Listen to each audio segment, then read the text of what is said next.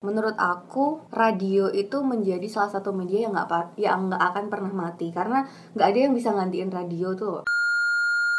Eh, radio nggak nggak akan bisa menyaingi si internet, nggak akan bisa menyaingi Spotify, tapi ya collaborate sama mereka.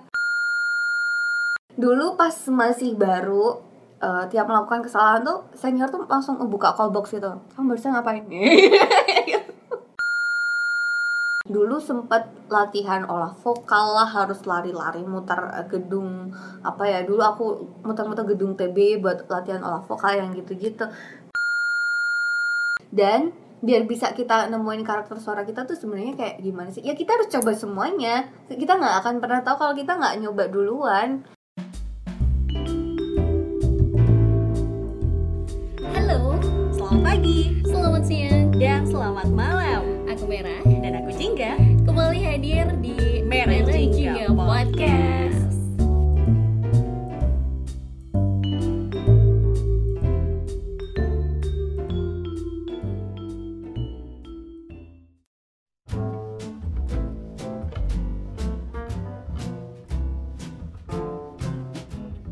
kali ini kita Merah Jingga lagi apa ya?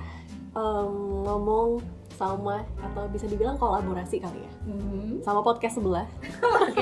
Ya boleh dong opening podcastnya. iya bener kan? Gimana sih lupa. Bener-bener ah iya kan gitu. Nah kali ini kita udah ngundang dari Popula Podcast. Langsung. Satu orang doang sih sebenarnya iya sayangnya nggak nggak nggak combo ya. Maksudnya nggak datang mm-hmm. dua-duanya gitu. Padahal kita ngundangnya perorangan kenalin dulu dong. Halo hai Hai, ya ampun, aku aku tuh sebagai tamu ya, tapi ternyata kolaborasi. Kalau gitu kan aku ngajak partnerku. ya pokoknya podcast berdua sama kayak kalian gitu. Halo, Merah Jingga. Hai. Hai, boleh dong dikenalin ya kan? Anda ini siapa yes, gitu? Siapa? Kalau kalian yang kenalin. kenalin diri dulu. Kenalin diri dulu kan dong. Ketika dirinya yang mengenalkan dirinya sendiri kan lebih paham ya. Bener. Ya, ya ampun. Hmm. Aku seorang kapiten nggak? Uh, aku nih ya punya podcast juga sama kayak yang berdua ini. Terus aku harus menceritakan apa ya? Aku sebagai apa nih di sini? Kalau misalnya sekarang kan mungkin lingkupnya agak-agak beda ya sama yang kita bahas gitu mm -hmm. ya kan kegiatannya. Tapi uh, kita mau ngajakin uh, Nia ngobrol seputar dunia public speaking. Tapi wow. zaman sekarang mau itu kerjaannya apa pun ya. Uh, uh, bener. Itu Ilmu public banget. speaking tuh kayaknya penting banget gitu kan. Betul banget. Dan hmm. public speaking itu juga termasuk dari uh, bagian dari branding diri nggak sih? Mm -hmm. bener, bener. Ketika kita bisa menyampaikan dengan baik, itu bisa jadi brand untuk kita sendiri gitu. Hmm. Dan ya udah jadi kayak semuanya tuh bisa dan kebetulan banget kalau misalkan kita tahu nih Nia ini kan memang saat ini nggak terlalu apa sih uh, pekerjaan aslinya ya. Ibaratnya kayak lebih banyaknya tuh nggak nggak terlalu banyak di public speaking ya. Tapi yeah, yeah. dulu sebelumnya aktif banget dan kayaknya masih sampai sekarang tuh masih kepake gitu lah mm-hmm. masih sampai sekarang gitu kan betul nggak? Iya. Um, apa ya? Uh, sebelumnya untuk background public speaking tuh aku bukan yang tipe apa expert di situ nggak lah aku masih masih jauh dari itu cuma dulu memang dapat uh, teori public speaking pas kuliah pas training juga karena aku dulu sempat siaran di radio swasta di Jogja dan public speaking kan intinya kita tuh harus bisa ngomong di depan umum gimana caranya kita tuh menyampaikan tujuan apa yang yang mau kita sampaikan ke pendengar tuh harus sampai dengan jalan yang lebih efektif, enak buat didengar, tepat sasaran. Nah, menurutku itu sih yang disebut public speaking. Gak harus buat nge-MC, gak harus buat nggak harus buat apa siaran gitu enggak cuma pas kamu di dunia kerja pun ya itu dipakai. Misalkan kamu harus presentasi di depan uh, klienmu di depan bosmu ya itu juga public speaking. Sebenarnya ya public speaking itu part of our daily life. Yang sebenarnya kita nggak harus uh, kayak ngambil jurusan public speaking gitu kan. Mm-hmm. kayak kita bisa pelajarin sehari-hari juga sebenarnya gitu ya. Iya iya. Aku kan sebenarnya backgroundnya itu sastra Inggris ya. Oke. Okay. cuma dapat ini dapat mata kuliah yang namanya public speaking. Karena ya prodi ini tuh tahu kalau public speaking dibutuhkan di mana pun. Walaupun sastra Inggris tapi juga ngutak-ngutak public speaking. Karena yang aku bilang tadi penting buat uh, menyampaikan ide yang kita punya ke orang lain juga. Kan ya kita tahu kita punya ide ini. Wah si orang ini tuh pinter tapi dia cuma simpen itu buat dirinya sendiri. Ya ya buat apa gitu. Ya ada yang menuangkannya lewat tulisan. Itu oke okay. itu juga keren banget menurutku. Ada yang harus menyampaikannya itu ke orang lain dengan lisan. Nah ya itu public speaking tuh kontak atik itulah ya. Menurut aku. Sangat tidak teoritis kan? Aku praktikal banget. Oke oke. Okay, nah kalau misalnya di kampus emang udah uh, ada tuh ilmunya gitu. Terus akhirnya sempat siaran juga gitu. Hmm. Nah, kenapa tuh awalnya bisa sampai siaran? Hmm, siaran radio ya terutama ya. Aku suka radio dari kecil. Hmm. Jadi mau curhat ya, apa-apa ya. Mau main cerita aja. Jadi dulu tuh biasanya aku tuh ngasih pertanyaan ke orang-orang. kan? uh, apa ya radio itu jadi salah satu media yang menurut aku intens banget. Uh, umum sih cuma gimana ya ngejelasinnya ya? Itu jadi personal. Kayak kita ngobrol sama radio tuh cuma dua orang gitu loh antara dia penyiarnya sama aku yang dengerin radio. Aku dari umur berapa ya itu ya? Mungkin sekitar empat tahunan aku rajin dengerin radio nemenin ibuku masak terus dengerin lagunya Sherina, Joshua, Tasya zaman dulu masih ada ya zaman ya? dulu masih ada. Dulu mereka masih hits banget lah kan dengerin radio. Terus sampai um, SMP masih dengan juga SMA aku siaran di sebuah radio komunitas ya. Ya radio komunitas lah ya nggak ada bayaran cuma belajar banyak di situ. Terus akhirnya kuliah di Jogja. Uh, itu nggak siaran itu vakum. Nggak nggak ngapa-ngapain. Sampai akhirnya ada open recruitment terus nyoba siaran lagi ah gitu. Akhirnya daftar seleksi dan itu panjang banget juga prosesnya ya udah akhirnya siaran radio lagi. Program apa tuh waktu itu? Kalau untuk programnya sih aku nggak masuk ke yang jam prime time gitu nggak aku biasa-biasa aja gitu. Tapi makin ke sini makin ke sini tuh uh, merujuknya ke ke bagian news. Oke oke oke. Gitu.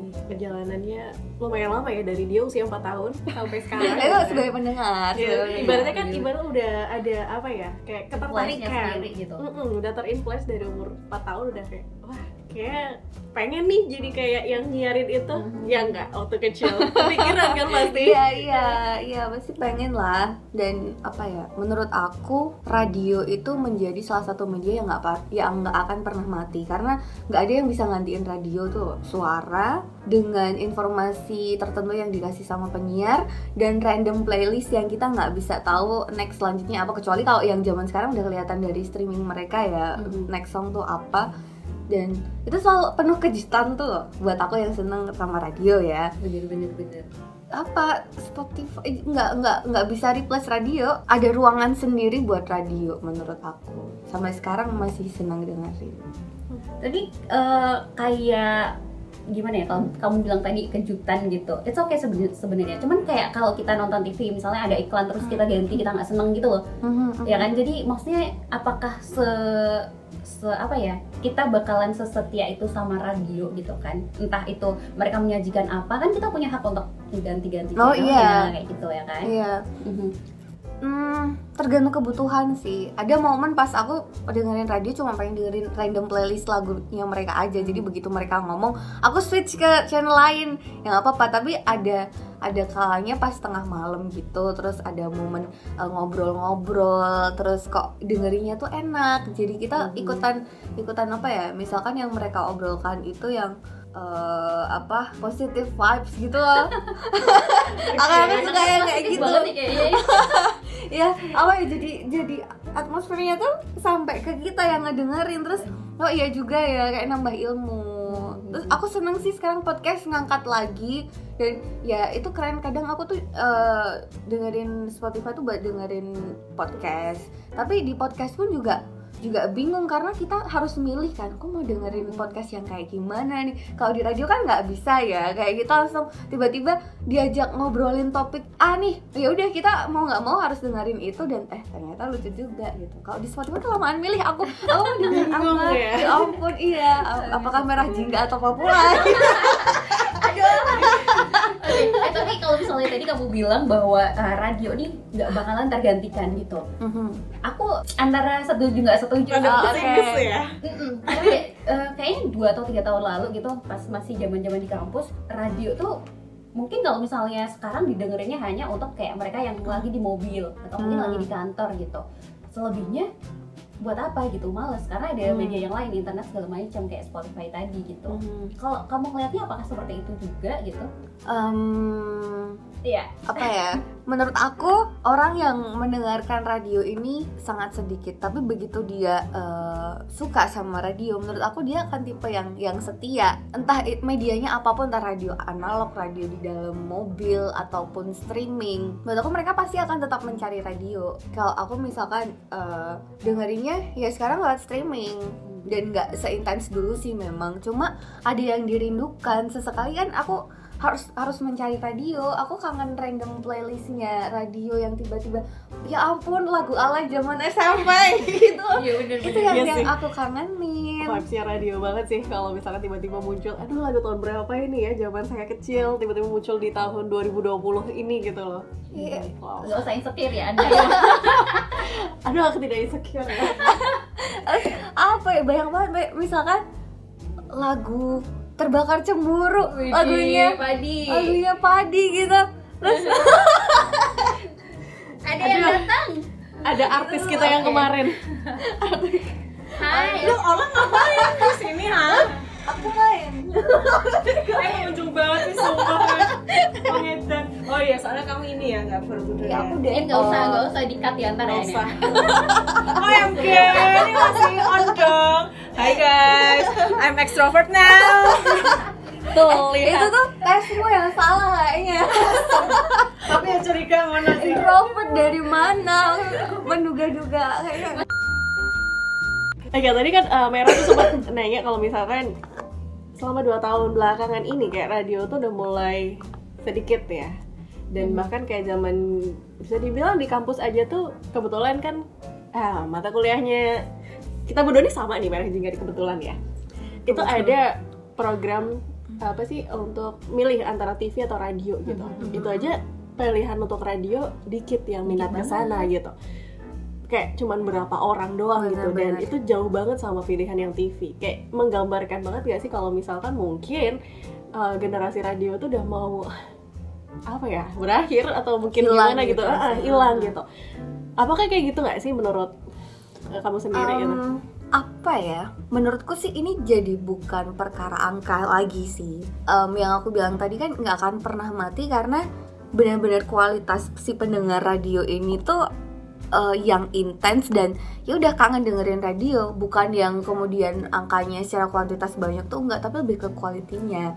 Pasti masih ada kok eh, anak-anak yang entah ke bawah dari orang tuanya ya dia terbiasa dengerin radio juga dan dia pasti akan kangen gitu. Sam- Aku juga sama, intensitiku dengerin radio sekarang tuh berkurang. Pasti aku lebih banyak dengerin Spotify.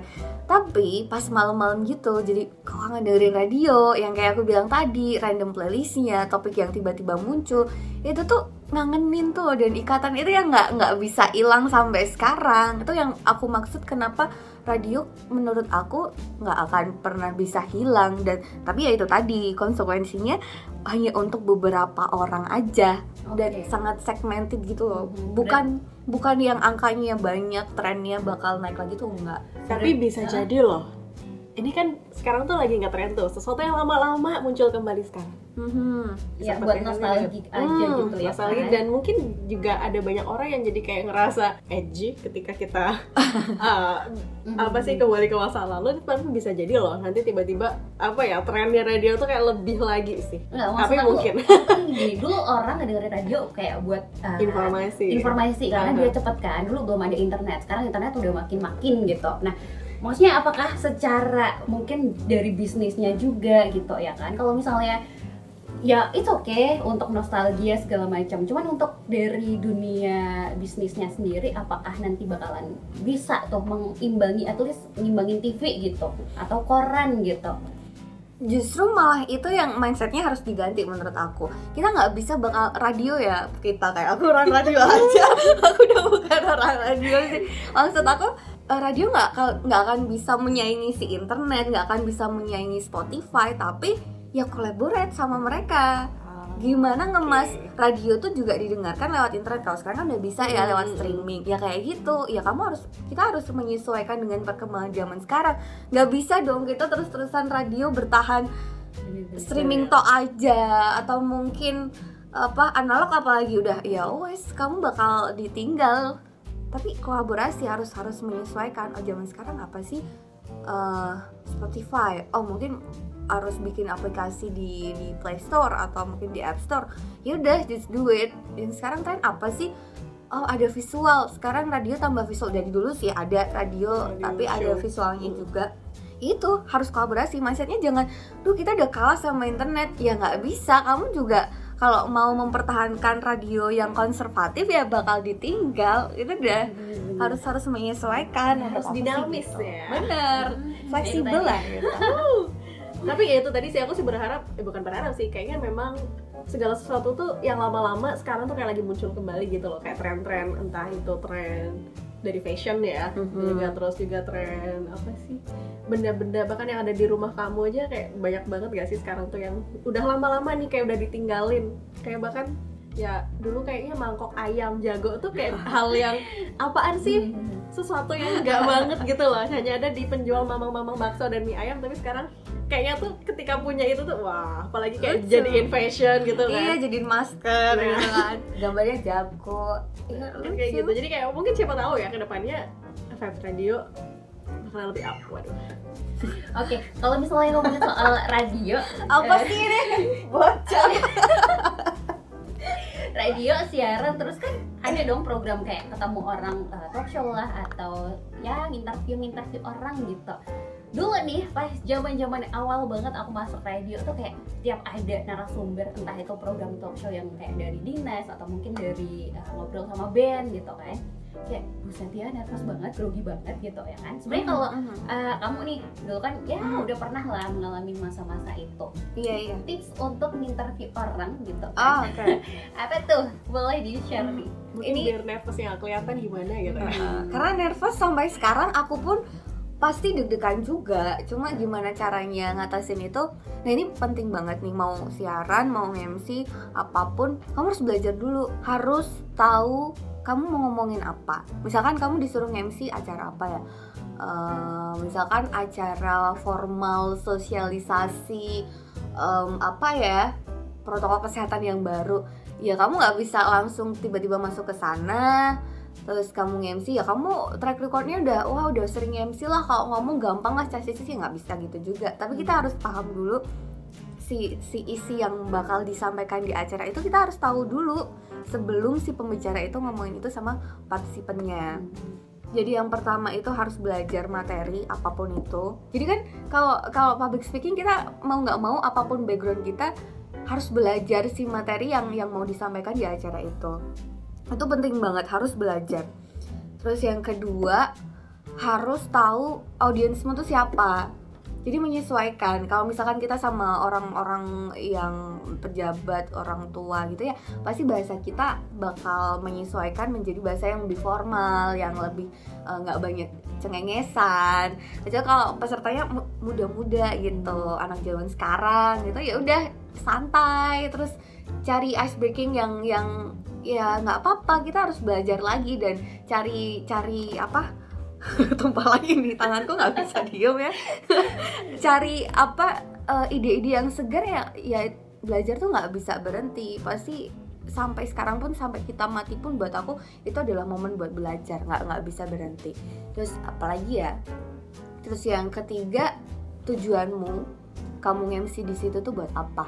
Kamu cuma eh, kalau kamu cuma bawain acara menurut aku nggak bisa sih. Tapi ada tambahan tujuan kalau kamu harapanmu kalau misalkan acara sosialisasi gitu ya kamu harus intuit juga tuh. Kamu harus harus membangkitkan eh, peserta di acara itu yuk kamu juga pasti bisa ngelakuin protokol kesehatan ini kok walaupun kamu dulu nggak terbiasa buat ini.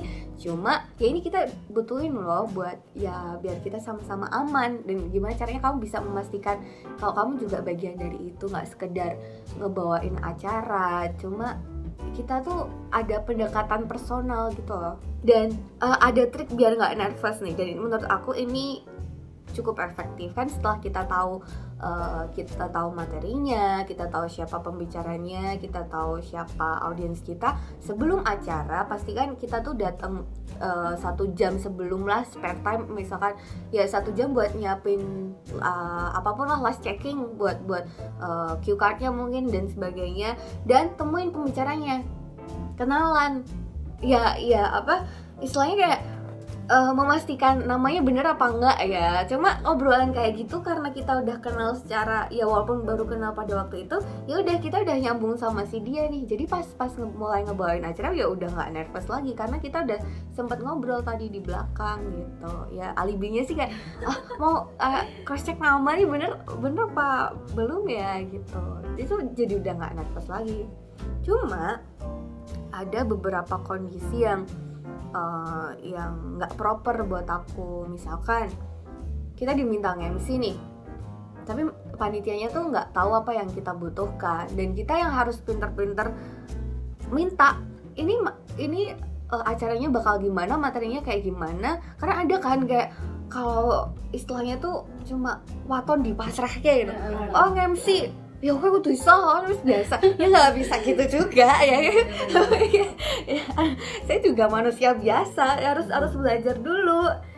Ya aku minta aku dica aku harus tahu ini siapa. Kalau misalkan mereka kepepet karena mereka nggak tahu ya yang dibutuhkan apa ya jadi aku yang ngejar. Kadang tuh mikir jadi kisah yang butuh sopo yang butuh tuh siapa sih? Dia minta tolong uh, aku nge-MC tapi dia nggak nggak nyiapin apa-apa. Ya udah kalau misalkan aku nyerah ya misalkan ayo ah, ya udahlah dia juga nggak ini kok dia nggak malah kayak gitu sama aku terus yang rugi itu nanti aku Iya sih, karena yang di depan kan kamu. Iya, yang di depan aku, yang dilihat orang-orang aku. Ini tuh wah, ya aku pernah mengalami beberapa kejadian yang yang itu uh, gemes banget sih ya. You can do better than that gitu. Karena memang persiapannya nggak nggak ada list tamunya. Uh, acak-acakan berubah-ubah ya itu harus harus harus biasa sama ritme kayak gitu sih. Cuma itu kan bikin buyar ya dan orang lain pasti taunya ya wah MC-nya piye? MC gimana sih? Belum lagi kalau misalnya ngadepin uh, narasumber atau mungkin audiens yang kayak nggak kooperatif gitu loh ya nggak sih? Kita udah ngelempar apa dianya nggak jawab gitu. udah ngelempar jokes nggak diketawain. Nah bener kayak krik krik banget gitu. Iya iya dan kalau aku biasanya aku tabras gitu loh. Ya trik biar biar nggak jatuhnya garing gitu ya. Uh, kok kamu nggak ketawa sih? Aku tuh udah berusaha ngelucu tuh. Ya kayak misalkan gitu. Oke. Okay. terus misalkan kalau um, belum lama ini aku salah nyebut nama yang kayak gitu padahal levelnya beliau itu pejabat yang tinggi gitu oh, ya. Oke. Okay. Boleh di spill itu yang mana? Apa di kantor ini? ya ya tahu. ya itu kan buat buat apa ya? Ya itu enggak enggak fatal sih ya biasa tapi ya ya aku menganggap itu ya ya udah wah aku kepikirannya bapak ini terus sih jadinya ya udah hmm. kayak gitu. Pokoknya pintar-pintar ngeles ya kalau salah ya, ngeles. Bener. Ngeles aja. Ya udah bodo amat tuh. Ya abis itu kalau dipanggil kan ya nggak tahu ya. Nggak sih nggak nggak nggak. Nggak sih SP. Nggak tapi uh, kalau misalnya tadi kan kamu di apa sih kayak uh, oke okay, MC harus ibaratnya kayak tahu segalanya gitu ya. Mau MC mau penyiar gitu. Ini yang aku kayak suka benci sih. Kenapa hmm. harus? Maksudnya ya oke. Okay. kita kita belajar untuk mengetahui uh, acara itu kayak gimana narasumbernya kayak gimana. Cuman hmm. ketika ada temen nih misalnya lagi nongkrong bareng gitu kan terus dia nyetel lagu yang update banget gitu kan terus dia nanyain tahu lagu ini nggak? Pas tiba-tiba kebetulan aku tuh nggak tahu itu. Loh iya sih kamu kan penyiar masa ngerti gitu kayak. Penyiar ya, iya sih penyiar. cuman kan apakah kita harus selalu update juga gitu ya. Oke okay, aku sih mencoba untuk update ya. Cuma kayak kenapa harus mendewakan? Curhat nih harus mendewakan banget terus kalau misalnya MC salah kayak sebut nama sekali doang yang kita nggak sengaja dan kita kayak udah uh, berusaha untuk menutupin atau mungkin dengan ngelempar jokes segala macam tapi kayak masih keinget gitu loh sama mereka ya gak sih? Hmm. jadi kayak kesannya tuh jadi seorang public speaker nggak boleh ada minusnya sama sekali. Hmm, ya gak boleh salah ya Mm-mm, bener. Jadi kayak kudu sempurna karena mau nggak mau public speaker itu adalah orang yang di depan orang yang pertama kelihatan. Mm-hmm. jadi kayak sebagai cover apa sih wajah wajah dari sebuah acara tersebut gitu uh-uh. ya nggak pernah gak kayak gitu? Yes kalau aku pribadi pernah sih. Yaitu tadi hampir sama dengan kamu sama pas lagi. Ya aku memang nggak cukup jarang sih kalau misalkan nge-MC cuman pernah kayak lebih seringnya tuh gini kayak kalau ada acara yang tiba-tiba terus kamu aja ya kan kamu penyiar tuh pernah nge-MC kan pastinya. Langsung udah disuruh nanti kasusnya kejadiannya kayak kondisinya nih ya salah karena nggak tahu apa kan. jadi tuh dianggapnya sudah tahu segalanya dan ketika ada salah jatuhnya disalahin gimana sih? Kok nggak ngerti? Gimana sih? Kok gini? Kayak gitu. Itu pengalaman pribadi ya curhat ini. Kalau kamu nih ya gimana? Sering banget sering banget. Mulai dari yang ditanyain lagu. Wah itu pertanyaan apa ya sangat familiar sampai bahkan seniorku pun juga pasti nanyain gitu ayo kamu tahu nggak lagu ini? Lagu ini terkenal banget loh. Buset banget lagu tahun kapan gitu tapi memang terkenal pada zaman itu. Kalau misalkan salah pun ya nggak apa-apa ya kita sama dengan yang lain bukan berarti public speak uh, public speaker terus kita yang uh, pintar ngomong dan tahu segalanya nggak juga. Kita sama-sama manusia dan salah itu uh, yang yang salah tuh juga normal. Buat aku yang harus yang harusnya menyesuaikan tuh justru orang lain. Kita harus harus bisa. Sama ibaratnya kayak kita basa-basi sama orang yang mungkin apa ya misalnya ya yang tidak mengenakan. Oh, kamu kamu umur berapa kok belum nikah sih? Ya, ya itu hampir sama kayak gitu. Itu itu basa-basi cuma agak agak jahat. Kamu bilang penyiar masa nggak tahu lagu ini sih? Hey ya nggak juga. Kita nggak kayak gitu. Hey. Emang, emang kita music director gitu. Emang kita music director gitu kadang music director pun juga um, apa ya ya nggak tahu semua lagu tuh juga it's okay. Emangnya search engine. Kita bukan bukan kamus lagu kita juga manusia. Dan itu yang harus dimaklumi sama orang-orang. Salah tuh nggak apa-apa. Kita tuh nggak bisa sempurna kayak Tuhan. Yang sempurna tuh cuma Tuhan.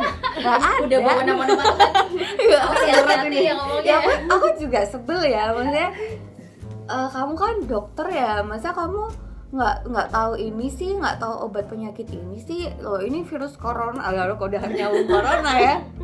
Dokter aja ada macam-macam juga gitu kan. Jadi intinya meskipun apa pun itu ya manu public speaker tetap manusia yang bisa salah ya benar benar jangan diambil hati kalau misalkan kamu disalahin orang kayak oh mungkin dia aja yang nggak tahu gitu aja Iya tapi tetap tetap jangan jangan jadikan itu sebuah excuse yes. buat kita ya. Hmm. Bukan berarti yuk kita semaunya buat ya nggak apa-apa lah salah juga nggak apa-apa ya nggak juga kita ada ada tanggung jawab buat selalu belajar terus biar lebih baik lagi. Cuma kalau kita udah kepentok kita salah ya minta maaf habis itu ya udah kita juga harus beneran minta maaf sama diri sendiri. Karena nggak enak ya kita melakukan kesalahan cuma itu ke bawah terus. Itu nggak nggak bagus jadi penyakit sih. Jadi ambil aja sebagai pelajaran gitu bener ya? bener. Harus diambil sebagai pelajaran terus jangan diulangin lagi. Uh, bener bener. Nggak nggak perlu nyalain orang lain nggak perlu nyalain panitia yang nggak menyiapkan apa-apa ya. Ya udah ini buat belajar kamu aja. Besok kalau misalkan ada lagi ya udah kamu karena kamu yang ada di depan ya wes lah ngalahi gitu. Tapi nggak selamanya bisa ngalahi terus. Cuma ya ya kalau kita bisa untuk apa ya mau buat ngelakuin itu kita bisa usaha yang paling keras ya udah just do it gitu. Jangan males-malesan. Tahu batasanmu di situ know your limit. Tapi push the limit juga kamu harus ngedorong si batas itu biar biar bisa jadi lebih baik lagi. Bukan buat orang lain kita nggak perlu ngebuktiin apa apa buat orang lain tapi ngebuktiin buat diri kita sendiri gitu. Ngomong apa sih? Highlight podcastnya dari acara motivasi.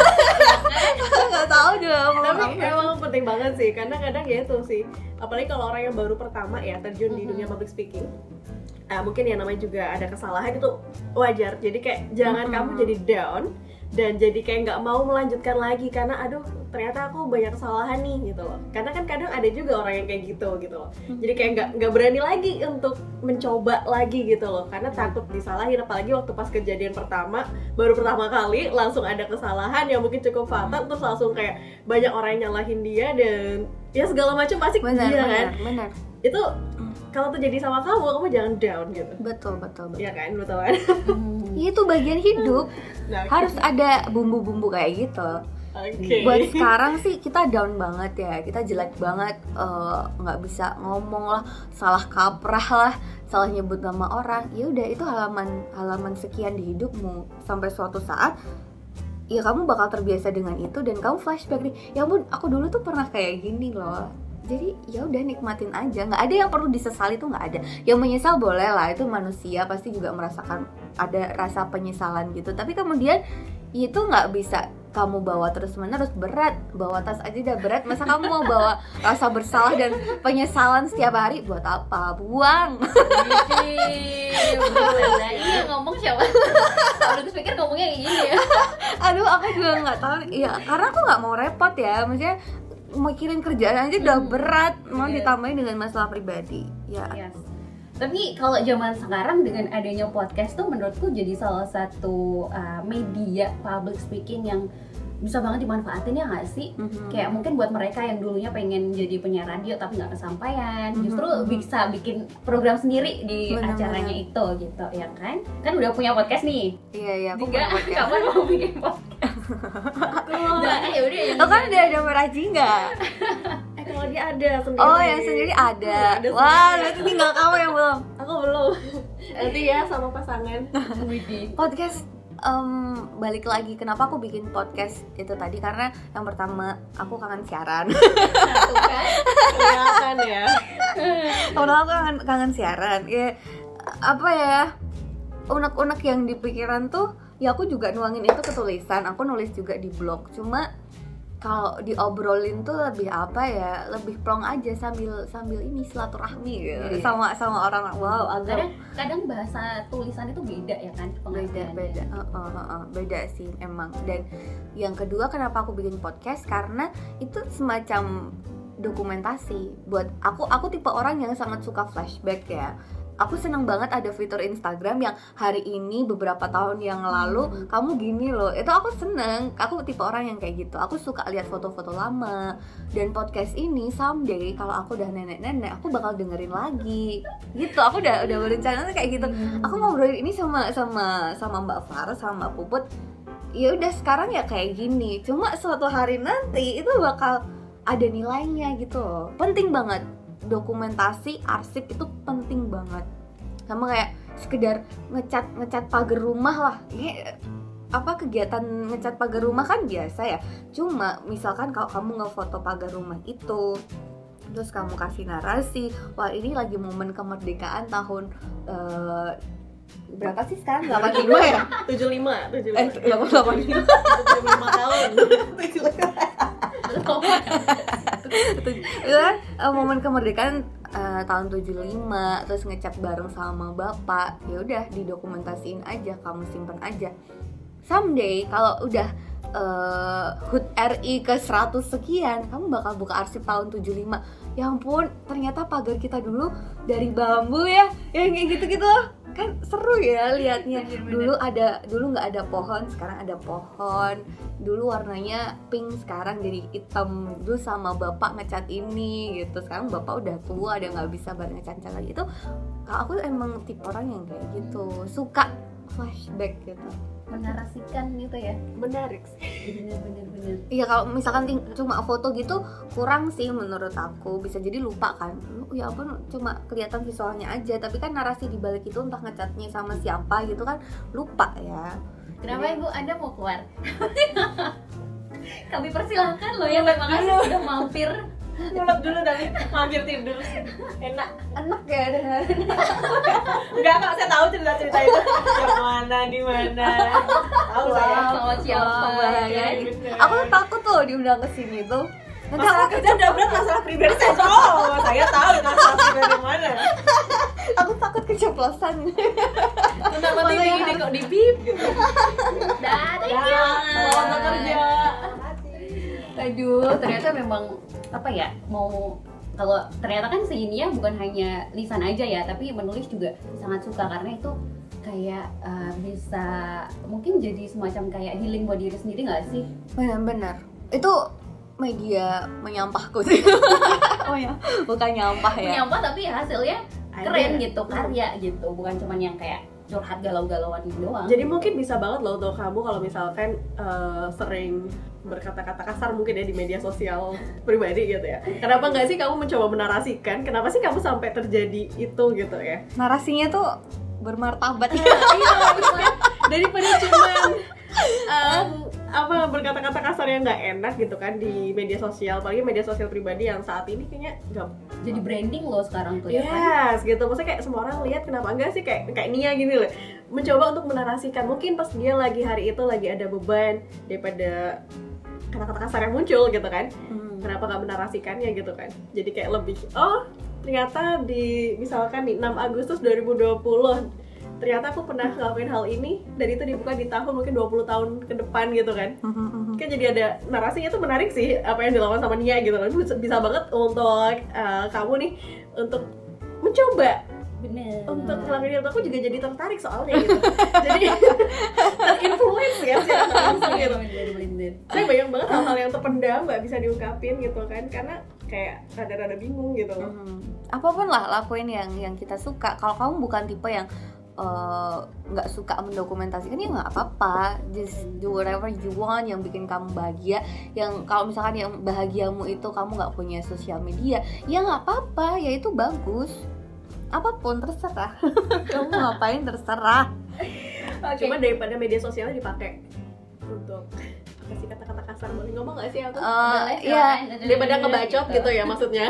Kalau buat aku ya nggak masalah kalau kamu kadang tuh kan bacotnya tuh kata-kata yang nggak enak gitu loh. Apalagi Ah. kalau sampai nge-mention sebuah tempat dia bekerja atau gimana gitu loh. Itu kan oh, menjatuhkan. Iya maksudnya kayak dirimu sendiri ah, kok udah jelek-jelekin iya. gitu kan? Nggak nggak ini ya mungkin bisa bentuk pintar-pintar menarasikannya aja sih biar Mhm, jadi kayak mhm. lebih oke lah gitu untuk dibaca. Karena kan media sosial iya dibaca banyak orang itu gitu kan. bahaya sih yang aku tambahin ya. Tadi kan aku bilang eh, terserah kamu mau ngapain. Yang yang bikin kamu seneng ya lakuin itu. Just be you gitu loh maksudku. Kamu harus jadi dirimu sendiri biar biar kamu tuh menemukan titik bahagiamu tuh di situ. Cuma ada batasannya kalau itu sudah menyinggung orang lain apalagi sampai merugikan orang lain menjelek-jelekan orang lain itu nggak nggak bisa kayak gitu juga. Orang lain pun juga sama kayak kamu loh. Dia juga sedang mencari titik bahagianya di mana loh. Kamu nggak berhak buat justify dia harus gini perusahaanku gini nih. Oh temanku si A tuh ya ampun dia parah banget dia. Ya ya buat apa tuh? Loh kita harus menjelek-jelekan orang lain. Ya lakuin sewajarnya lah seporsinya. Terserah kamu ngapain tuh monggo aja. Cuma itu tadi tahu diri. Apalagi kita hidup di Indonesia ya. Iya. hidup di Indonesia yang eh, notabene masyarakatnya itu sangat menjunjung tinggi norma eh, hidup yang sopan ramah sama semua orang. Ya ya nggak apa-apa kalau kamu bukan tipe yang ramah bukan tipe yang suka nyapa orang ya udah diem pun juga nggak masalah buat aku. Tapi kalau eh, misalkan itu sudah meng- kan orang lain kan wah kok kayak menang terus sih? Kok dia pendiam banget sih? Kayak nggak sopan gitu loh. Kan budaya kita kan seperti ini ya. Padahal kita juga nggak ngapa-ngapain. Ya udah kita sesekali ya perlu sedikit ngomong eh, ngejelasin. Ya memang aku ya kayak gini. Tapi kan nggak sampai juga ya. Ya berarti kita yang harus belajar. Kita nggak bisa langsung ngejudge dia nggak sopan karena dia nggak ngomong nggak gitu juga susah ya? Susah ya. Susah banget aduh. Ilmu kehidupan itu Iya. susah. Iya Ini jadi jauh banget sih ngomongin public speaking branding dan iya. lain-lain ya. Oh, oh, bener. karena Kenapa nyambung. Kita karena nyambung gitu apa yang tertulis itu adalah branding kita gitu kan. Oke. Iya. Wow bahas radio bahas public speaking juga dari awal. Ini bahas MC. hidup sih tapi nyambung. Um, sosmed.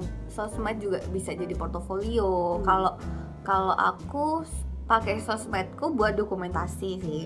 Lebih ke eh, pada momen ini aku di sini. Karena dibalik itu tadi sebenarnya kalau misalkan aku udah tua aku bakal ngebuka page ini lagi. Aku bakal eh, melihat dulu ngapain.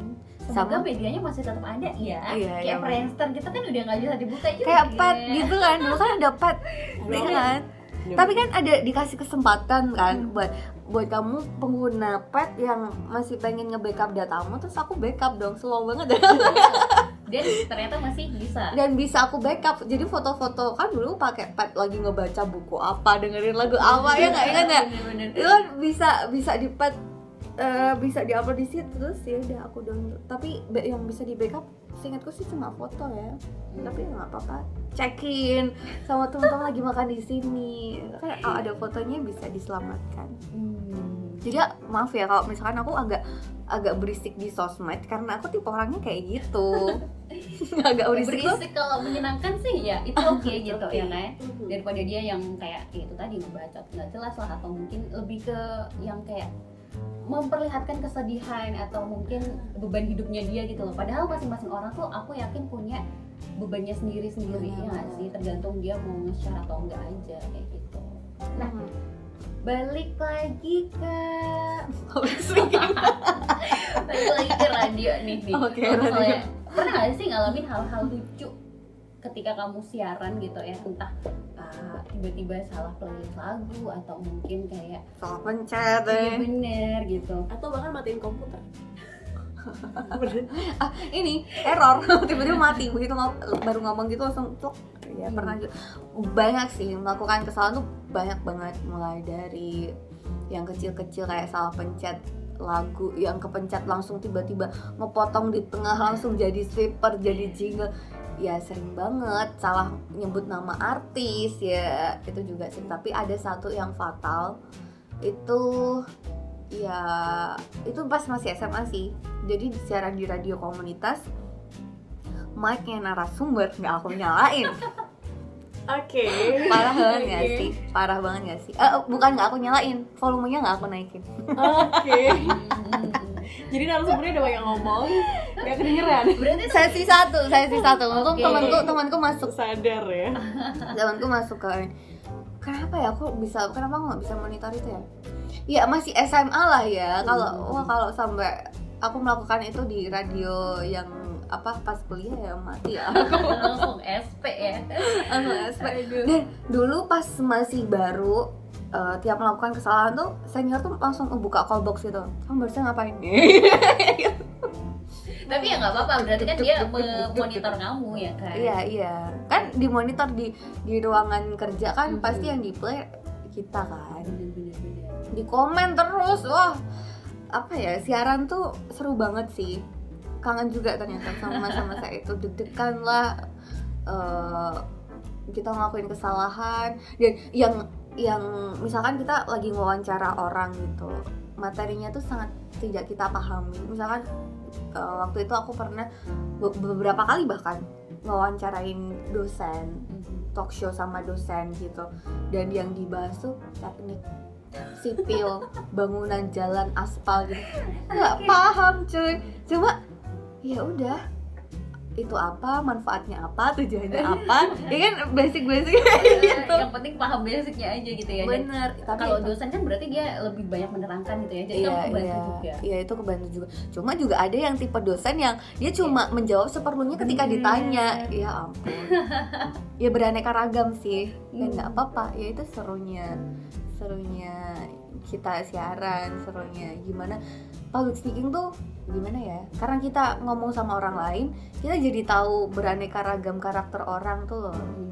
Dan itu yang ngebantu kita jadi lebih toleran. Ba- balik ke ilmu hidup tadi ya.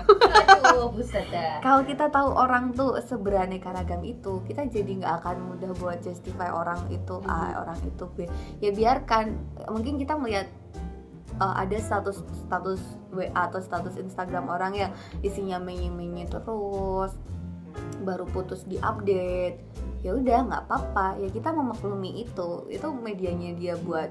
Ya sebenarnya itu uh, agak ini ya agak apa sih? ya, ya. annoying. Memang memang. Cuma kan kita nggak mungkin menyakiti perasaan dia kita bilang annoying gitu. Ya kita memaklumi ya udah nggak apa-apa. Memang cara dia kayak gitu selama itu masih masih oke dia cuma update status ya ya udah nggak apa-apa. Emang apa selain update status? Ini curhat sama teman-teman. Tiap hari topiknya itu terus ya oh iya bener itu lebih lebih annoying sih ya kan? Maksudnya kalau di sosmed kita bisa bisa, di sembunyiin gitu ya. oke oke oke. Hmm ternyata memang dunia public speaking tuh agak-agak complicated ya. Kayak banyak banget itu loh hal-hal yang mungkin uh, ah, iya ada lagi nggak sih yang mungkin uh, dari orang di luar sana nggak tahu bahwa uh, jadi penyiar tuh gini loh jadi MC tuh gini loh. Yang mungkin kelihatannya ya kalau orang kan tahu wah penyiar kerjanya ngomong doang MC kerjanya ngomong doang. Nah itu sedih tuh. Siaran kan gampang cuma ngomong doang mainin lagu Iya, orang lain pasti akan menilai dari apa yang mereka lihat dan apa yang mereka dengar. Dan itu nggak apa-apa. Orang tuh akan selalu seperti itu. Kita melakukan kebaikan kecil eh melakukan kebaikan besar dibanding dengan kesalahan kecil. Itu pasti yang di highlight itu yang kesalahan kecil itu. Sedih ya, banget gak sih? Nggak apa-apa. Orang lain orang tinggal ngomong doang. Ya ya udah kadang tuh kita harus pilih-pilih gimana gimana ngejelasin ke orang. Prosesnya tuh panjang loh nggak bisa loh. Uh, kita cuma ngomong doang gitu enggak. Kita dulu sempet latihan olah vokal lah harus lari-lari muter uh, gedung apa ya dulu aku muter-muter gedung TB buat latihan olah vokal yang gitu-gitu. Tapi ketika aku ketemu sama orang yang alah cuma siaran ngomong doang ya dan dia tipe yang keras kepala kita nggak perlu ngejelasin kayak gitu kok. Ya terserah Lo juga kamu nggak mempengaruhi hidupku gitu loh. Ya yang bayarin makan aku tuh bukan kamu. Aku nggak perlu ngejelasin. Cuma kalau dia tipe orang yang eh kamu enak ya. Apa cuma ngomong doang dibayar. Ada kan ada yang kayak gitu. Nah itu kan masih bisa kita jelasin ya. Nggak gitu juga kali. Eh, harus dulu tuh aku gini-gini yang gitu, gitu. jadi pilih-pilih lah nggak perlu ngejelasin apa apa ke semua orang. Aku tuh uh, ada yang ketemu aku Loh kamu kan katanya MC ya, tapi kok kamu pendiam sih? aku aku bukan tipe yang cerewet setiap saat tuh enggak. Pasti orang akan menilai aku pendiam, jutek, terus apa ya? Ya intinya pendiam lah. Tapi akan ada orang lain yang ya ampun dia tuh ngomong terus, dia tuh cerewet banget sih. Eh dia ramah, itu ada juga. Karena aku memilih buat diem sama beberapa orang ya hmm. karena merasa rugi aja buat apa? Aduh ini rahmat banget sih. Bener gitu juga sih ya kan? Banyak yang bilang uh, kayak gitu juga. Maksudnya ya emang emang kalau penyiar mesti kudu cerewet terus gimana? Iya kan nggak ya? Eh, itu bagus malah menghindari debat kusir. Itu nggak itu dilarang nggak nggak nggak. Aku nggak bawa bawa agama ya. cuma rugi kita kayak ngomong sama uh, apa ya tembok ya mental sendiri. Daripada kita buang-buang tenaga kita ngomong tuh juga capek ya. Ya kita pinter-pinter milih aja. Siapa lawan bicara kita harus tahu oh orang ini enak nih diajak ngobrol gitu. Oke kalau misalnya ngeliat nih aku kan teman-temanku di luar daerah kayak misalnya di Jakarta gitu ada kan yang uh, MC juga segala macam. Mm -hmm. dibandingin sama Jogja atmosfernya tuh beda banget gitu kayak kalau di sana event kayak tiap hari ada segala macam tapi uh, rebutan gitu. Jadi kayak temenku tuh jadi MC tapi kayak gon apa ya crash gitu loh sama MC lainnya. Karena rebutan lahan ibaratnya gitu. Kayak tukang parkir aja gitu kan. Walaupun uh, eventnya banyak tapi ya tetap uh, susah gitu. Kalau misalnya di Jogja atmosfer per MC-an itu kayak gimana sih? Kan ada tuh uh, paguyuban MC Jogja juga gitu. Gimana tuh kamu lihatnya kapitalisme sian gitu. Um, agak nggak fair sih kalau misalkan aku ngejelasin ini. Bukan kapasitasku karena aku tidak hidup di Jakarta dan aku tidak pernah MC di Jakarta. Okay. Cuma dan aku pun uh, untuk kategori MC Jogja gitu ya aku yang biasa-biasa aja kok. Aku bukan MC yang terkenal kondang di Jogja. Aku merasanya sih seperti itu. Buat aku gak ada gak ada istilah rebutan dan dan saingan sih iya. Cuma rebutan tuh enggak rezeki kita tuh udah ditentuin sama yang maha menentukan rezeki gitu loh. Kalau misalkan cocok sama aku ya ayo aja. Tapi ternyata klienku lebih milih ah aku nggak cocok sama Nia. Dia dia garing banget nih MC-nya ya udah dia pakai orang lain ya nggak apa-apa.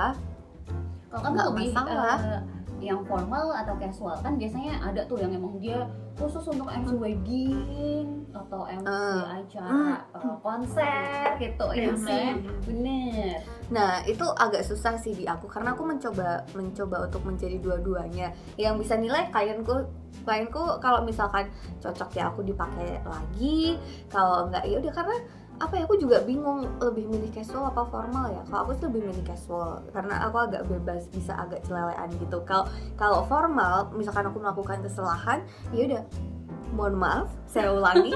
Kayak gitu nggak bisa dibercandain. Bener. Ya tapi lebih enak karena protokoler udah udah apa ya ada plus minusnya masing-masing. Kalau misalkan formal karena itu protokoler ya udah udah ada pakemnya. Kita nggak perlu inisiatif bikin kreativitas dan sebagainya. Kita kalau, kalau casual kita kan ah, dituntut buat kreatif ya aku ngomongin apa ya di sini ya biar seru biar asik. Nah itu tantangannya kita harus harus brainstorming apa nih yang harus diomongin gitu. Ada plus minusnya masing-masing. Hmm.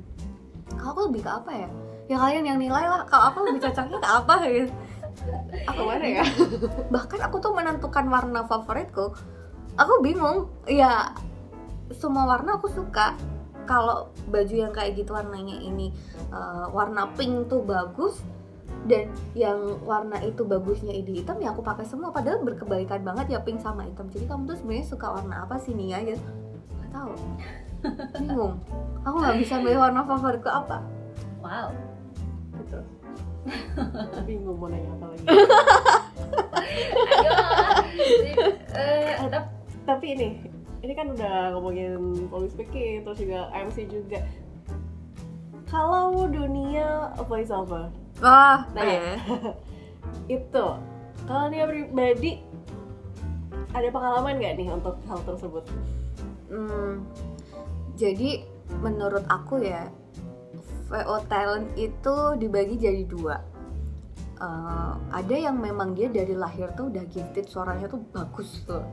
itu kadang aku suka iri loh Iya bener, bener banget guys. Cuma ngomong biasa, eh dia, eh, ya ampun langsung jatuh suaranya. gitu tapi nggak tahu ya kecilnya dia kayak gimana.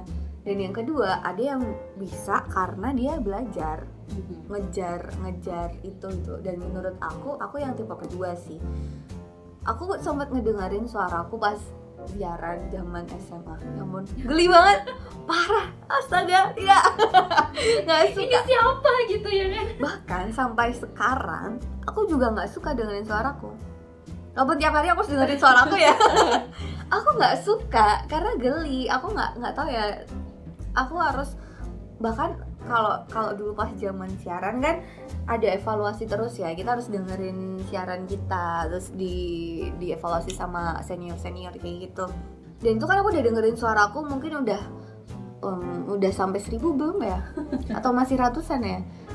Tapi sampai sekarang tetap ini tetap malu tetap ini merasa geli aja. Aduh kayak kok jelek sih? Kamu bisa lebih bagus dari ini. Sampai sekarang masih kayak gitu. Terus harus memang harus latihan sih banyak-banyak ngedengerin VO talent yang lain. Karena aku pun juga masih jauh dari titik profesional menurut aku ya. Harus harus menurut aku olahraga juga penting. Olah vokal misalnya vokal yang bagus kan juga yang yang dari perut lah. Kita harus harus bernafas pakai nafas perut lah yang gitu-gitu kan. Biar outputnya juga output suara yang yang bagus ya.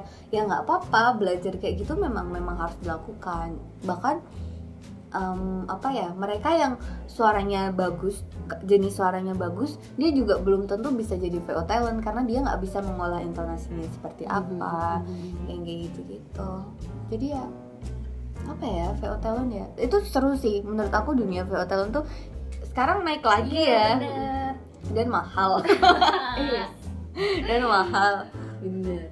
Jadi ya ya apa pun lah. Kalau kamu sekarang lagi tertarik sama dunia talent ya belajar. Dengerin orang lain. Terus pokoknya kita harus memperkaya diri sendiri dulu nih sebelum kita memutuskan untuk aku mau nyoba. Cobalah aku ada ada audisi ini misalkan ada audisi voice over gitu. Ya ikut aja nggak apa-apa. Nggak ada yang dan uh, mungkin kalau misalnya yang pemula gitu biasanya bingung gitu ini aku mau membentuk karakter suaraku tuh yang kayak gimana sih? Apakah misalnya aku suka nih uh, VO talent si A gitu apakah aku bakal menyerupai atau ya kayak mirip-miripin dia gitu ya? Atau uh, gimana tuh sebenarnya cara menemukan karakter diri uh, cara menemukan karakter diri ya kamu harus karakter coba semuanya. diri. Oh, iya iya karakter uh, karena beda-beda juga ya tergantung kebutuhan. Kalau misalkan kamu di dikasih skrip yang kamu harus jadi ibu-ibu yang Hmm. bijaksana ya pasti kamu bakal menyesuaikan menjadi halo anak aku ya gitu gitu. Cuma kalau misalkan kamu harus menjadi anak kecil ya suaramu jadi switch harus jadi cempreng harus yang childish gitu. Jadi tergantung kebutuhan klien seperti apa sih. Dan biar bisa kita nemuin karakter suara kita tuh sebenarnya kayak gimana sih ya kita harus coba semuanya kita nggak akan pernah tahu kalau kita nggak nyoba duluan ya kamu cobalah kamu uh, skrip lebih cocok VO skrip formal apa skrip yang casual apa yang anak-anak apa yang ibu-ibu bijaksana atau mas-mas yang suaranya berat yang apa VO-nya tuh nerangin gedung-gedung pembangunan gitu kan wah suaranya kan gila banget. Berkarisma siapa namanya? Lupa aku. Ya harus nyoba semuanya. Aku tuh tipe yang suka nyoba banyak hal. Walaupun aku tidak eh, agak apa ya ada plus minusnya sih. Aku jadi nggak fokus sama satu hal. Hmm. tapi eh, aku pengen nyoba banyak hal dan aku pengen nyoba seberapa kemampuanku ya ya aku ngelakuin yang itu sih. Bukan yang aku eh, main gitar nih. Yaudah aku dari dulu sampai sekarang tuh tipe orang yang belajarnya main gitar. Jadinya aku mahir banget expert banget main gitar. Enggak aku nggak nggak bisa kayak gitu. Aku main gitar nyoba nyanyi nyoba VO talent nyoba belajar ekonomi nyoba buat belajar bisnis. Selama aku masih mampu buat buat belajar ya udahlah tak kerjain lah. Ya cobalah Mhm. tabras lah memperkaya diri gitu iya ya. iya. Nanti akan ketemu sendiri tuh kamu tuh yang mana sih? gitu. Ketemu jalurnya ketika dicoba. Kalau nggak dicoba nggak ketemu jalurnya. Benar iya. Bener kan? Iya muter perkataan anda ya. Jadi ya kamu mau menemukan siapa dirimu? Ya kamu yang harus cari tahu siapa kamu sendiri. Ya ya terserah mau ngapain. Coba apa pun lah. Gitu. Pernah dapat project apa di VO nya kalau project VO eh, ada mungkin kayak company profile terus misalkan iklan-iklan produk Hmm. pernah juga eh, bikin demo suara anak-anak suara nenek-nenek yang kayak gitu-gitu cuma kalau aku lebih ke ini sih banyaknya ke company profile yang eh, kalau aku menilai suaraku ya lebih ke yang deep voice tapi nggak deep juga tapi agak cheerful tuh jadi ada smiley voice-nya di situ gitu nggak tahu sih aku nggak aku nggak bisa menilai diriku sendiri ya dong tapi emang lebih cocok ke hal-hal yang agak-agak formal-formal gitu ya kan? iya iya iya mungkin ya Mhm. Iya. kayaknya kalau VO talent untuk ke arah formal tapi kalau MC kayaknya casual kali ya nggak tahu juga. Gak tahu juga ya. kamu nyamannya gitu? Iya iya iya. Mana harga yang cocok? Waduh, iya betul ya kan? Apalagi sebelum acara berakhir transferan udah oke gitu ya. oh, itu agak berat cuy kalau ditransfer dulu sebelum oh itu tantangan banget sih. Ah, apa ya rasanya kalau udah ditransfer dan kita belum mengerjakan sesuatu itu aku nggak suka. Aku lebih suka kamu mau pakai jasaku nih. Ya udah aku bakal kasih. Ya udah pay dulu it's okay dan mungkin itu bisa jadi apa bisa jadi salah satu uh, apa teknis lah itu. Cuma kalau kamu belum pakai jasaku dan kamu udah ngebayar aku aku jadi rasanya tuh beban. Iya jadi agak jadi beban. Kamu belum belum tahu produkku loh. Kamu belum pakai aku gitu istilahnya. Iya, amiku ya pikirannya gitu ya. Iya. Oke. jadi aku lebih suka oke aku sudah mengerjakan kewajibanku waktunya kamu buat membayar aku. Ya kayak gini aku nah baru dikasih uang gitu. Gue lebih suka yang gitu soalnya DP dulu atau tekan kontrak dulu lah at Hmm. least kamu akan ba- dibayar segini. Aku pasti gitu. Eh, oh ini mungkin tips juga sih. Kan kadang kita tuh merasa kalau aku sih kalau aku merasa bukan yang pro banget lah. Aku masih jauh banget dibilang pro karena apa jam terbangku juga biasa aja dan terbatas. Ya aku juga nggak bisa ke mana-mana full day kerja juga. Ya kamu harus harus main profesional juga. Kamu nentuin price listmu segini. Kalau misalkan uh, ditanyain kamu berapa? Ya udah kamu budget, budgetmu berapa? Tapi kita juga punya panduan gitu loh. Kita punya price list. Kamu diminta buat VO oh ya udahlah aku mau VO tapi nggak bisa gitu juga. Kamu harus tahu VO apa nih? Sebelum sebelum mengiyakan iya kadang sih kita butuh duit ya. Cuma ya jangan segampang itu juga. Jadi gampangan banget gitu ya kamu harus tahu skripmu tuh apa durasinya akan seberapa. Nah kamu tentuin. Aku hitung ya ini satu halaman ini berapa kata? Tingkat kesulitannya misalkan pakai bahasa Inggris ini beda lagi nih harganya. Oke berarti harganya segini aku biasanya segini. Kalau dari dari apa rate rate harga aku gitu. Cuma uh, nah si temenmu nih nawar. Aduh oh nggak cukup. Nah baru di situ mulai kita ngobrol. Kita fleksibel lah. Kita nggak usah yang jualan terlalu apa karena karena levelku ya. Levelku kan aku bilang tadi di awal bukan di titik yang profesional banget karena dia temanku juga baru kita tawar. Tapi sebelum kita tawar menawar kita udah ada bekal si red itu tadi. Menurut aku itu ngebantu kamu banget sih. Nah itu tapi juga kita harus tahu kemampuan diri kita sendiri ya. Jangan hmm. kayak kemampuannya so-so tapi Tapi minta harga tinggi gitu. Langit gitu. Dan Ntar jangan ada... juga dan jangan juga kemampuanmu tinggi tapi kayak dibayar seberapa aja iya iya itu ya, penting sih? juga. Kayak kita udah ngelakuin banyak hal cuma nggak dibayar harga teman gitu kan kadang. Ya udahlah. Kalau aku sih udah aku ikhlaskan ya. Tapi nggak bisa kayak gitu jelek juga sih. Kalau dibiasakan seperti itu kita jadi nggak menghargai pekerjaan orang lain gitu. Itu bahaya sih. Jangan jangan kalau kita punya uang buat ngebayar dia ya kita mending bayar lah. Walaupun dia teman dekat kita terus dia penyiar pakai dia aja. Jangan gitu juga. Dia temanmu justru malah sama teman itu kamu harus ngebayar dia lebih. Karena oh, kamu tahu. Maaf kemarin saya mau bikin podcast ini. Harga temen gitu. Tapi emang bener lagi ini sih ketika kamu bilang bahwa ya bantu temen lah gitu. Ya temen kan pakai tenaga juga pakai uh, skill juga gitu ya kan yeah, bisa yeah. kayak cuma kita bayar pakai uh, terima yang... 2 m. Makasih mbak. Iya bisa dua m. Dua m. Nah kalau misalkan aku karena aku pernah ada pengalaman ya kesalahanku juga sih aku nggak nggak tekan kontrak pada waktu itu. Kalau kamu misalkan tidak bisa menghargai orang dengan uang ya ya harga itu dengan attitude kamu jelasin baik-baik kamu ya ya berlaku baik sama dia. Cuma pada waktu itu udah aku dibayar sedikit sedikit banget nggak nggak proper sama nggak sebanding sama apa yang aku kerjain. Attitude mereka selangit gitu nggak nggak nggak cocok sama sama apa yang yang dibayarkan ke aku. Ini contoh jelek sih mereka bisa meeting setiap hari di cafe yang gitu-gitu yang gampang banget ngeluarin budget buat buat yang nggak penting menurut aku. Jadi kan mindsetku wah berarti memang budgeting mereka buat acara ini banyak nih. Mm-hmm. ternyata begitu ngebayar jasaku kok segini? gitu. Bukan MC sih ini bukan bukan gimana kalau MC pasti aku tanya dulu berapa karena ini diajakin temen buat ngevent gitu sih. Itu itu pelajaran banget oke. okay se se apa pun kegiatan jasa aku aku harus harus tanya dulu. Ini bahaya kamu harus tanya.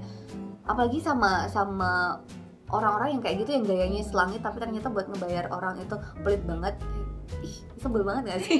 Itu mungkin diutangin sih ya kan? Yang diutangin gayanya selangit. Ya itu tadi.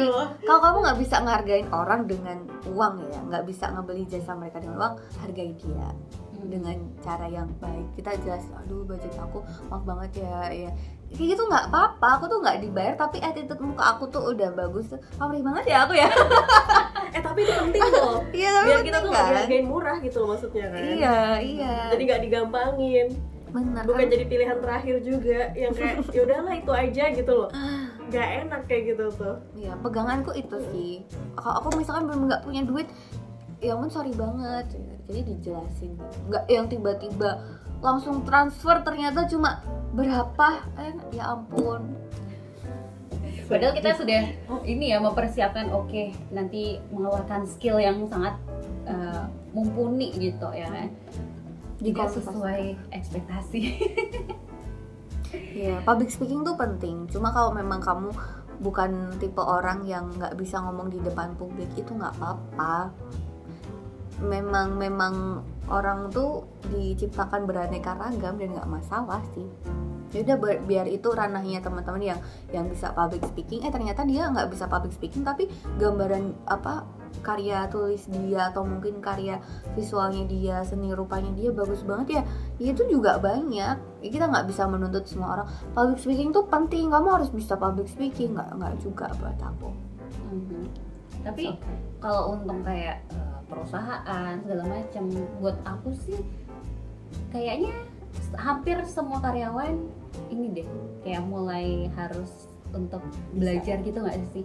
iya iya. Makanya aku tipe orang yang sangat suka berkolaborasi. Jadi saling melengkapi. Misalkan em, apa ya teman-teman IT aku tahu kerjaan mereka tuh berat harus bikin ini itu ini itu. Dan dia harus ngepresent itu sama atasan. Ya ya dengan segala keterbatasan mereka ya mereka harus bisa gitu kan. Cuma kan ada beberapa titik yang misalkan harus ikut lomba nih harus mungkin eh, millennial summit inovasi Ah, oke. bagus gitu. Kan butuh presenter yang memang menarik juga. Nah di situ kolaborasi lah temen IT yang bikin terus dibantu sama temen yang bisa public speaking. Nah itu kan bakal bagus ya dua orang ini bisa bisa mempresentasikan karya yang luar biasa daripada memaksakan diri buat bisa public speaking. Eh, tapi gimana? ada pengalaman memang? ya ya aku seneng. Karena aku aku juga banyak keterbatasan. Kok pasti aku bakal mengajak orang lain buat kolaborasi sama aku. Makanya aku seneng seneng ya sama, sama kayak kita. Pasti kita masing-masing punya plus minusnya. Lah kalau kita bisa ngerjain bareng di di podcast ini kan ya ya itu bakal seneng banget sih aku. Kan ada ya tipe orang yang sudah merasa cukup dengan dirinya. Oh, nggak mau dia sainganku. Wah ini podcast lain nih. Wah Wih, kan ada juga ya. nggak mau lah ngapain aku datang ke podcastnya dia? Nanti podcastku malah ditinggal. Nggak aku nggak mau kayak gitu Wow, jelas banget panjang banget. Dan kalau disimpulin sih, kalau aku ya, wah apa nih kayaknya podcast kali ini positif banget. Nggak ada sambat sama sekali ya, padahal episode-episode sebelumnya kita sambat mulu loh. Iya, ada ada satu dua tuh yang rada-rada keluar gitu ya. Yang sekarang tuh kayak wow. Dan dunia public speaking yang sangat-sangat luas. Dan ya paling tidak berarti kan orang itu punya bakatnya masing-masing juga. iya benar Apa tuh tadi highlightnya? Know your limit but push your limit. iya iya iya. benar karena aku baru mengalami fase yang menurut aku aku capek gitu dan aku diingetin sama temanku eh, baru beberapa hari yang lalu ya kamu tahu batas batasanmu aja lah nah aku masih walaupun aku bisa ngomong kayak gini ya tapi begitu aku ketemu sama kasusku sendiri kadang aku juga butuh orang lain buat buat ngasih tahu aku kita nggak bisa hidup sendiri cuy ya nggak sih Bener. dan akhirnya temanku yang ngingetin aku know your limit but push your limit too gitu Oke, Ba- dari tadi kita udah ngobrol banyak banget. Wah, bahasnya udah satu jam deh kayaknya. oh ya udah Serius? Satu jam, kayaknya udah satu jam deh ini. Dan Nia udah aduh ngasih vibes positif banget sih untuk podcast Merah Jingga kali ini ya. Episode ke berapa 10 ya? 10 ah, ah, episode Makanya udah 10 ya? udah. Wah, punya aku masih berapa cuy? Aduh nggak rajin, aku merasa tercambuk. Episode 10 dan aduh berbagi cerita tentang public speaking. Soalnya kalau kita doang yang ngomong tuh kayak gimana ya? Eh, mohon maaf, saya bukan siapa-siapa. iya maksudnya kayak Sama nggak? Enak banget gitu loh kayak nggak ada yang rekan diajak diskusinya gitu kan. Jadi kita udah uh, mengundang uh, teman kita Nia ini. Dan makasih banget ya udah mau Ya, hadir. eh terakhir dong bagi- pesan-pesan buat mungkin yang lagi mulai ke dunia public speaking. speaking. Mm-mm, boleh? Aduh apa ya? Ini apa? Ah, Oke, oke. pesan pesan yang umum dulu lah. Sekarang kan lagi pancaroba ya. Teman-teman jaga kesehatan ya. Ini penting banget. Karena kemarin habis sakit jadi aku berasa banget. Apa? Sekarang yang paling penting tuh jaga kesehatan yang tadi. Buat teman-teman yang mau masuk ke uh, dunia public speaking ya selamat datang dan semangat. Ya jangan pernah memutuskan buat uh, nyerah ya. Nyerah tuh ya nggak apa-apa sih. Kalau misalkan kamu merasa itu kamu udah merasa capek ya kamu istirahat dulu. Tapi buat lari dari masalah buat menyerah gitu aja. Padahal kamu di awal udah niat banget buat masuk ke public speaking menurut aku perlu dipertimbangkan lagi gitu. Ya apa pun mau public speaking mau mau dunia nulis menulis coba aja jangan pernah ragu buat mencoba. Karena kalau kamu udah nyoba salah pun ya wes nggak apa-apa. Bakal lebih bagus kalau kamu tuh belajar jalan tapi kesandung. Nggak apa-apa sakit nggak apa-apa. Daripada kamu diem di tempat tapi kamu nggak progres apa-apa. Wih, luar biasa. aku apa? yang sangat uh, gitu ya kan. membangkitkan semangat. Hmm, semoga, semoga. amin. Thank you Nia sudah yes. Berbagi. thank you Dan juga Kalau kangen siaran boleh ke sini loh. wow ngisi podcast sih podcast. aku aja nggak rajin ngisi podcastku Oke, semoga eh, yang pasti sih eh, public speaking bakalan terus kepake gitu ya. Mau apa pun itu dunia kerjaanmu ya kan, Mhm. related Mhm. banget sama public speaking. Nah, semuanya related Jingga? aku ya sudah lah ya oke jelas seperti katanya tadi tetap semangat dan selamat datang di Dunia Public Speaking untuk kamu yang baru. Mau Catherine so kamu siap nggak untuk masuk ke dunia public speaking